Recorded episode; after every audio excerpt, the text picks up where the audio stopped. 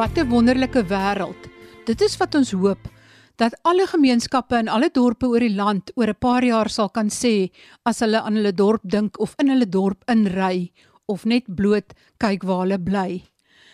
En daarmee natuurlik ook sê ons baie welkom vir oggend by my mooi dorp. Die program waar ons mense wil help om van hulle dorpe weer mooi en modeldorpe te maak en nie net hulle dorpe mooi en funksionerend te maak nie, maar ook die gemeenskappe floreerend en gelukkig.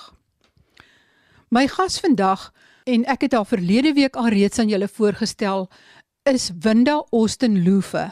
Sy is 'n verteenwoordiger van die Small Business Institute van Suid-Afrika en sy is een van hulle direkteure. Sy skakel met sakekamers om te kyk wat hulle probleme is en hoe dit opgelos kan word.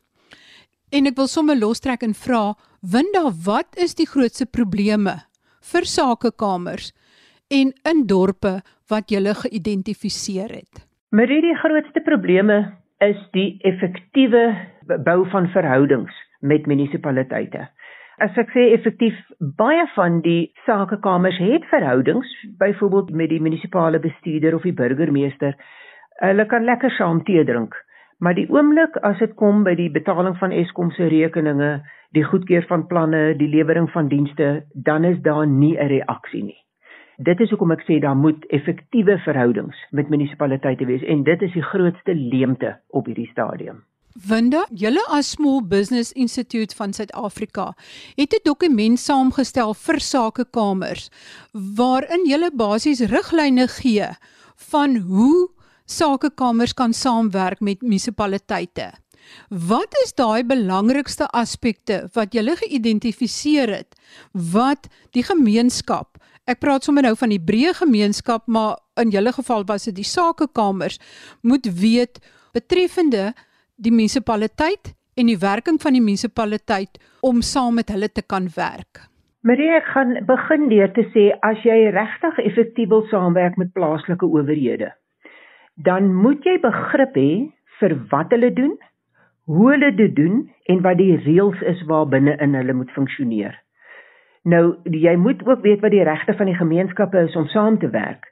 En hierdie regte en reëls word in plaaslike wetgewing en regulasies saamgevat. So die handleiding is dan eintlik 'n oorsigtelike dokument net om ons sakekamers in te lig oor wat in plaaslike bestuurswetgewing staan, want dit is die verpligtinge waaraan plaaslike owerhede moet voldoen en daarom het ons gekyk daarna. En wat het julle gevind is die grootste probleem of probleme? Ek dink die enkele grootste een is eintlik maar die korrupsie wat voorkom hierdie. As jy gaan kyk na die stand van ons munisipaliteite, die laaste syfers wat uit is is dat 7% van ons munisipaliteite is funksioneel. 31% is redelik funksioneel en 62% is disfunksioneel. So daar is 'n baie groot tekort aan vaardighede En uh, ek dink dit is ook wat die weerstand gee om saam te werk. En as 'n mens nie werklik dink ek gerad is nie, dit is ook waar die korrupsie inkom. Mense doen wat hulle wil, hulle maak hulle boeke toe en hulle hou die deure toe vir die gemeenskap om te sien wat aan die gang is. Winda, dink jy dat die gemeenskap die afgelope 10 of 20 jaar te veel teruggestaan het en sake te veel aan die munisipaliteit oorgelaat het en eintlik te onbetrokke was en dat dit die geleentheid gegee het dat dinge kan skeefloop of nie so glad loop soos wat dit behoort te loop nie. En moet gemeenskappe eintlik meer betrokke wees? Marie is 100% reg. En dit is juis wat ek sê met al my skakeling met die munisipaliteite. Baie sê vir my ons het 'n goeie verhouding, maar uh, dis 'n verhouding hulle kan lekker 'n koppie tee saam drink. Dis nie 'n verhouding wat verantwoordbaarheid ook het nie. Daar word nie goed opgevolg op goed. Ek wil nie graag name noem van munisipaliteite nie, maar ek meen daar's munisipaliteite waar die sakekamer ongelooflike goeie verhoudings gehad het en tans is daai munisipaliteite onder administrasie. So net 'n goeie verhouding werk nie. En dit is waarom ons van van die Small Business Institute se kant af leiding wil gee vir ons sakekamers om te sê hoe kan sakekamers wat moet hulle weet want daar's 'n klomp goed wat hulle moet weet uh, om as 'n drukgroep op te tree. Jy weet as 'n uh, entrepreneur in 'n besigheidsvergadering instap. Hy ken alles van die besigheid, hy ken alles van die transaksie. En ek sien onderhandeling en effektiewe skakeling met munisipaliteite ook as 'n besigheidstransaksie want onthou ek praat namens die besigheidsgemeenskap. En as jy gaan kyk na beskikbaarheid van infrastruktuur en jy kyk na beskikbaarheid van dienste, dit is absoluut belangrike fakt is kritiese faktore vir die sukses van 'n onderneming. So en dit is wat die munisipaliteit moet voorsien en daarom sien ek dit ook as 'n besigheidsgesprek met 'n munisipaliteit. Winda, jy het reeds vir my uitgespel dat daar vier belangrike aspekte is waaraan mens moet aandag gee en waarvan mens moet kennis dra as mens met 'n munisipaliteit wil saamwerk. Dit is as 'n gemeenskapsgroep met die munisipaliteit wil saamwerk. En die eerste een is wat is die werking en die samestelling van 'n munisipaliteit? Kan jy vir ons meer uitbrei daaroor? Marie, ek dink die een enkele aspek wat verstaan moet word. Jy het 'n amptenary. Dit is daai mense wat in die verskillende departemente werk wie se loopbaan dit is om by die munisipaliteit werksaam te wees en in plaaslike regering werksaam te wees. En dan het jy die politici aan die ander kant. En dit is daai lede normaalweg jou stadsraad, is jou verkose lede want as jy gaan kyk na jou raadslede is die enigste lede wat verkies word deur 'n gemeenskap om hulle te verteenwoordig in die munisipale raad. Ek dink as mens net daai onderskeid het, laat jy weet jou verhoudings moet jy beide kante toe bou. Jy kan nie net met die burgemeester verhouding bou nie. Mens moet ook gaan kyk na die amptenary, leer die amptenary ken en veral dit wat belangrik is in jou spesifieke besigheid en bou daai verhoudings ook. En dan moet 'n mens ook weet dat as dit weer verkiesingstyd is soos wat binne die afsienbare toekoms gaan gebeur, dan word die raadslede weer vervang en verhoudings moet dan weer van voor af gebou word behalwe jy kan dieselfde raadslede hê wat aanbly maar dan gaan van hulle weggaan en dan gaan nuus inkom. Laat mens weer daai verhoudings moet dan weer opgefokus word om van voor af gebou te word. Winda, is daar spesifieke voorskrifte vir kwalifikasies of vaardighede wat van die amptenary by 'n munisipaliteit moet hê voordat hulle aangestel kan word. En gebeur dit, het hulle hierdie vaardighede of word mense aangestel sonder dat hulle oor die nodige kwalifikasies of vaardighede beskik? Verseker soos in enige maak nie saak ons praat nou maar van 'n munisipaliteit maar ek dink in enige organisasie waar mense ingaan as 'n pos geadverteer word want die word die spesifikasies uiteengesit en as jy jou applikante kry vir daai pos word dit gemeet aan daai spesifikasies en aan die kwalifikasies om toe te sien dat die kandidaat wat die beste aan al hierdie vereistes voldoen is eintlik dan die kandidaat wat aangestel word. So dis dieselfde in in munisipaliteite. Hulle het hulle hulle uh, spesifikasies en uh, die amptenary en die die politieke aanstellings moet daaraan voldoen. Dit gebeur nie noodwendig altyd dat hulle daaraan voldoen nie, maar dit dit behoort, dit moet wees. Die tweede belangrike aspek is die samewerking tussen die munisipaliteit en ander staatsinstellings. Kan jy vir ons net 'n rigtingwyser gee oor watter ander staatsinstellings moet die munisipaliteit mee saamwerk en is dit volgens spesifieke voorskrifte? Marie, as jy gaan kyk na munisipaliteit, onthou ons regering, dis plaaslike regering. Regering bestaan uit nasionaal, provinsiaal en plaaslik.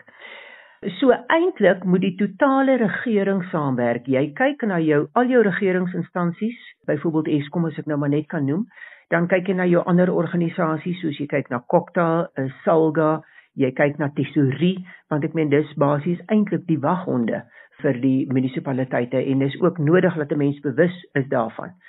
So dis eintlik werk die regering al die departemente werk saam met mekaar. Geen munisipaliteit kan net doen wat hy wil nie. Hy word volgens wet voorgeskryf en hulle kan net binne die raamwerk en reëls en riglyne van wetgewing en regulering kan hulle uh, funksioneer. So dis absoluut voorgeskryf van hoe hulle moet funksioneer. Winda, jy het genoem dat die derde belangrike punt is publieke deelname. En ek dink ons het ons plig versaak die afgelope dekade of 2 in hierdie verband. Maar waar moet ek as deel van 'n gemeenskap inspraak lewer? Waarvan moet ek kennis neem? Waaraan moet ek deelneem? Marie, ek dink die belangrikste en ek praat uh, namens die, die sakegemeenskap is die ontwikkelingsplanne en die begroting. Dit moet bekend gestel word en daar word vereis dat daar publieke deelname moet wees wanneer die prosesse aan die gang is. So dit is ook dokumentasie wat publiek is en jou gemeenskappe moet weet wat in daai dokumentasie is. En as hulle probleme het, as daar ander inligting is wat hulle weet wat uh, sekere goed dalk nie so effektief gaan wees nie, dan moet hulle hulle insette lewer. Ongelukkig nou nie jou insette as 'n individu nie, maar dit moet as deel van die gemeenskap uh, gelewer word. Ek wil net gou-gou teruggaan na die publieke deelname. As 'n munisipaliteit tenders ontvang of toeken, moet hulle dit net op hulle webwerf publiseer of moet hulle dit in enige ander plek ook bekend maak of is die webwerf voldoende? Weet jy nee, die wet sê dit moet in 'n register opgeteken word en dit moet op die webwerf beskikbaar wees vir die publiek. So dit is die twee plekke wat in die in die wet staan. En nou wil ek sommer dadelik vir die luisteraars vra, hoeveel van julle het al ooit op julle munisipaliteit se webwerf gaan kyk wat daar aangaan? Maar dan kom ons by die 4de punt en dit is die munisipale verkrygingsproses. En dit is waar die bedrog kan inkom. Vertel vir ons meer van hoekom dit so belangrik is dat ons meer hiervan weet. Weet jy met die al die wetgewing, maar kom ek sal net 'n uh, aanhaling maak uit die grondwet uit. Die grondwet sê dat verkryging moet gedoen word oor 'n stelsel wat regverdig, billik, deursigtig, mededingend en kostedoeltreffend is. So dit word aangespreek in al die wetgewings en en dis dieselfde wat voorkom in al die wetgewings. En dan uh, die Municipal Management Finance Act het natuurlik jou eh, komitees. So dis belangrik die gemeenskap moet weet watter komitees daar is, waarna kyk hulle en laat dit wat dan klaar is, as dit afgehandel is, dan moet dit opgeteken word in die register, dit moet op die webwerf gepubliseer word sodat daar kontrole gedoen kan word. En dan beveel ons natuurlik ook aan dat as 'n tender toegestaan is, moniteer tog die uh, dit in die toekoms ook in. Moenie dit net daar laat en vergeet nie en ek dink dit is dalk waar die gemeenskappe 'n bietjie onbetrokke by was. As 'n tender verloor is, dan is dit net daar gelaat. Ons weet laat tenders word uitgesit argumentshalwe vir 'n 100 000 rand en ons die die uiteindelike koste is 500 000. Kyk, hier is die afwykings so groot wat plaasvind. En of 'n tender word gekry en die werk word nie gelewer nie en dis belangrik dat daai daai goed moet gemoniteer word deur iemand en die gemeenskap is die beste waghond om dit te kan moniteer. Winda, toe ek begin het om my navorsing te doen, het ek agtergekom in ons klein streek is daar meer as 100 BEE geregistreerde maatskappye wat kan tender dan hulle nou kon suis die kundigheid om te kan tender vir paaie bou vir plaveise lê vir Grand Catering om brûe te bou en om damme te bou en ek weet nie wat alles nie. Maar in werklikheid, hulle het hierdie registrasie gekry en dan sit miskien sê maar ek vat nou sommer 'n voorbeeld, die polisieman se vrou wat nou geregistreer is as 'n maatskappy wat al hierdie wonderlike dinge kan doen, maar eintlik kan sy dit nie doen nie. Maar sy gaan kontrakteer dan 'n ingenieursmaatskappy in die groter stad naby en hulle werk die tender haar uit. Sy sit 10 miljoen by by die 30 miljoen tender. Die oomblik as dit toegeken word aan haar, kry sy haar 10 miljoen.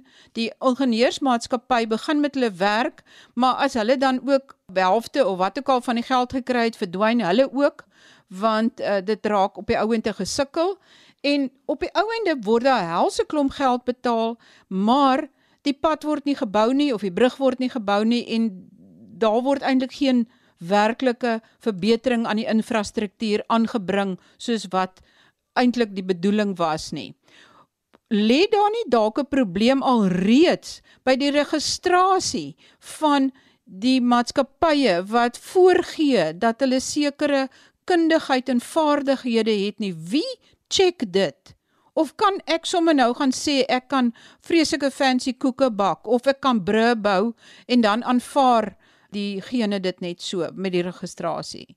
Uh, Marie nee, dit kan nie net so gedoen word nie. Ek ek wil net vir jou een ding sê. Ek glo aan inklusiewe ekonomiese groei. Maar wat jy sê van sekere maatskappye wat die tenders wel kry en dan kan hulle nie die werk doen nie, is 'n baie baie groot probleem want dit is waar eintlik 'n addisionele vlak in die waardeketting bygevoeg word. Want iemand moet nou hier winste skep sonder om enige waarde toe te voeg tot dit wat gelewer word. Suiwer op ek ek weet nie op wat nie. Maar as jy gaan kyk na die tenderkomitees wat moet kyk nou die tenders wat uh, uitgaan wat inkom en wat ten einde laaste goedgekeur word Ek meen dit bestaan basies uit drie komitees uit jy jou tender spesifikasie komitee. Uh, hulle stel nou maar die tenders op en kyk wat al die spesifikasies is waaraan voldoen moet word. Maar wat vir my belangrik is, dan het jy jou tender evaluasie komitee. En hulle moet enige aansoek moet geëvalueer word aan die hand van die spesifikasies van die tender, want daai spesifikasies is normaalweg baie duidelik uiteengesit. En dit is waar. Elke tenderaar se vermoë om uitvoering aan die kontrak te gee, moet geëvalueer word. Daar moet gekyk word na die infrastruktuur tot sy beskikking, die ervaring, die menslike hulpbron, die mannekrag, kennis, vaardighede. Dit is verseker moet daarna gekyk word, maar ongelukkig gebeur dit nie. Nou kom ek terug en ek het dit reeds gesê, dit is hoekom gemeenskappe moet as waghond optree en hulle moet so optree dat daar verantwoordbaarheid kan wees. Maar hoe maak jy dat die munisipaliteit dan luister na jou? Jy het nou 'n groep gevorm, jy's nou of die sakekamer of die belastingbetalersvereniging, maar jy's nou 'n forum of 'n groep wat lede van die gemeenskap verteenwoordig en jy praat met die munisipaliteit en jy stel vrae. Maar het jy dan enige waarborge dat hulle na jou gaan luister? Marie, nee, daar seker nooit waarborge dat hulle gaan luister nie, maar die feit dat daar nie waarborge is nie, impliseer nie dat ons nie met die vrae vra nie. Want Die oomblik as hulle gaan agterkom, laat hier is mense deel van die gemeenskap, gemeenskapsgroepe wat intens kyk na al hierdie goed wat aangaan. Dan dink ek gaan die goed begin minder raak, hierdie ongeruimthede. Dis omdat daar nie betrokkenheid was van die gemeenskappe nie en hulle tree nie sterk genoeg as drukgroepe op dat hierdie goed moet reg verloop nie. En en ek dink dit is eintlik die groot probleem. Sê vir my met julle betrokkenheid by verskillende munisipaliteite, sakekamers in sekere plaaslike owerhede ensovoorts. Hoe wyd is julle betrokkenheid en sien julle al vrugte wat dit oplewer? Die SPE het 'n nasionale uh, voetspoor. Ons verteenwoordig so 75 sakekamers op hierdie stadium. So ons sit is in die stede en ons is in die platteland. En ek dink een van die goed waarna ons kyk wat nou al redelik goeie vrugte afgewerp het is as uh, ons kyk na bekamping van misdaad en ons kyk na ons safe city smart city konsep. Nou dit is uh, iets waar ons normaalweg ingaan om te kyk hoe kan ons monitering doen van dit wat aan die gang is en uh, dan daai inligting gebruik. Onder andere ons datasentrums wat ons gebruik uh, doen ook uh, spatial mapping. Nou dis byvoorbeeld spatial mapping is eintlik data-insameling oor oor die profiel van jou gemeenskap, die besighede in die omgewing sodat hierdie inligting gebruik kan word om te sien waar is die uitbreiding en die ontwikkeling sodat daar dan uh, effektief voorsiening gemaak kan word vir infrastruktuur en dienste. Uh, Spesifiek as ons daarna kyk, uh, statistiek SA gee so ek sê omtrent elke 10 jaar dan bring hulle inligting uit. Maar daai inligting is nie noodwendig akkuraat nie. As ons byvoorbeeld 'n dorp vat soos uh, Lepelale nou met die uh, voltooiing van die kragsentrale daar, daar het der duisende mense uit Lepelale uit verhuis. So uh, dit dit hang af wat in jou omgewing gebeur, hoe relevant daai inligting is. So as uh, jou sakegemeenskap dan betrokke is by hierdie datasentrums, en uh, dit vorder nogals goed by 'n hele paar van ons plekke dan het hulle op datum inligting ook wat misdaad aanbetref. Wat is die misdaad? Want hulle het kameras hulle het 'n beheersentrum wat uh, 24 uur per dag beman word. Hulle weet presies wat aan die gang is. Is daar enkele dorpe of plekke wat jy daar kan noem wat reeds hier by baat vind? Ja weet jy ek kan kyk Kroonstad is baie sterk aan die gang. Uh Kroonstad is 'n distriksmunisipaliteit en dit sluit uh Viljoenskroon in. Ons het ook dorpe soos byvoorbeeld Delmas, uh Centurion, Stellenbosch. So jy kan sien dat ons eintlik nasionaal reeds besig is by van ons munisipaliteite met dit. Ek kan ook self nie genoeg beklemtoon hoe belangrik dit is om korrekte data te hê nie. Dit help nie jy het verouderde inligting. As jy beplanning moet doen, jy dink jy het miskien 50000 mense in 'n sekere woongebied dan jy eintlik 100000.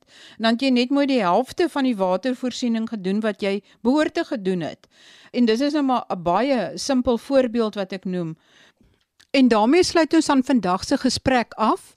Volgende week gesels ek baie kortliks weer met Winda en ons kyk ook na data-insameling. As jy die Small Business Institute wil kontak vir enige inligting of hulp, gaan na hulle webwerf toe. Dit is www.smallbusinessinstitute.co.za en daarop is daar 'n e-posadres en kan jy verder met hulle kommunikeer.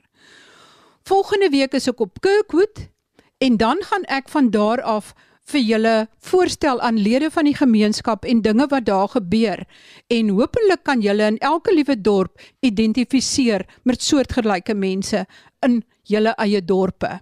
Tot volgende week dan groete van my Marie Hudson.